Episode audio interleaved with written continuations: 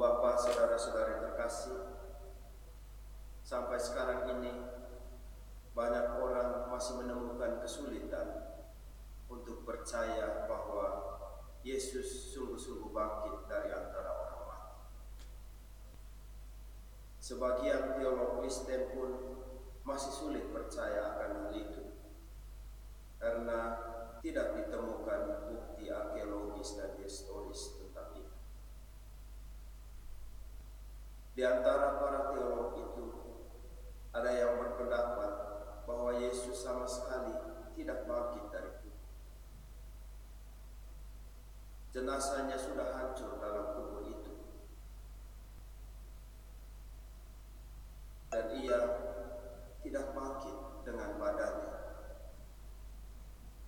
Malah ada juga yang berpendapat bahwa Yesus dahulu tidak dikuburkan di tempat khusus, tetapi di kuburan massal seperti yang biasa terjadi pada orang-orang yang dihukum salib.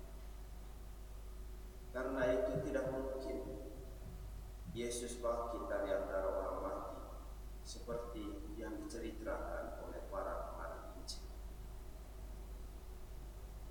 Pendapat-pendapat para teolog itu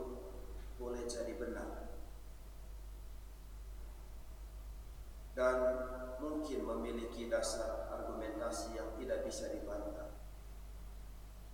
Namun yang pasti bahwa para pengarang Injil seperti Matius sudah sejak awal memprediksi adanya pro kontra tentang wafat dan kebangkitan Yesus.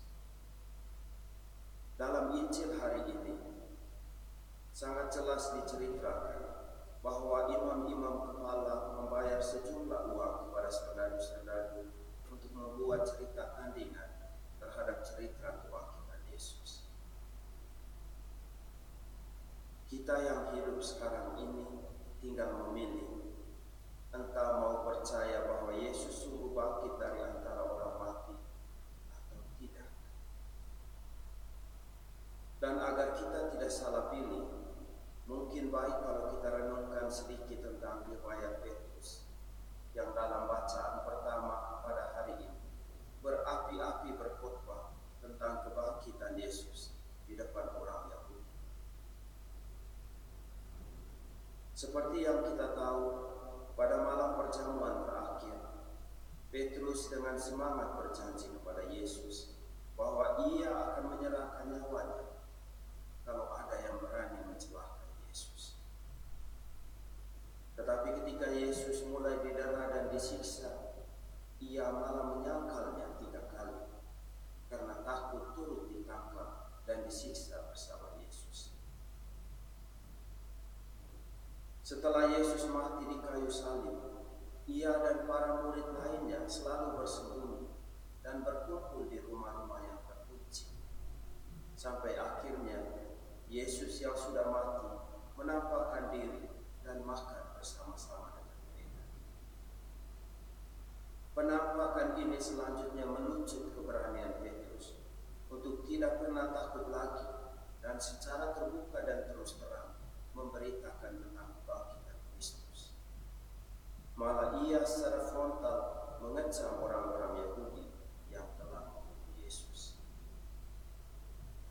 Hal yang sama juga terjadi pada Rasul Paulus yang mula-mula ingin membunuh semua pengikut Yesus dan akhirnya berubah total menjadi pemata Injil yang ulung setelah Yesus menampakkan dirinya kepadanya.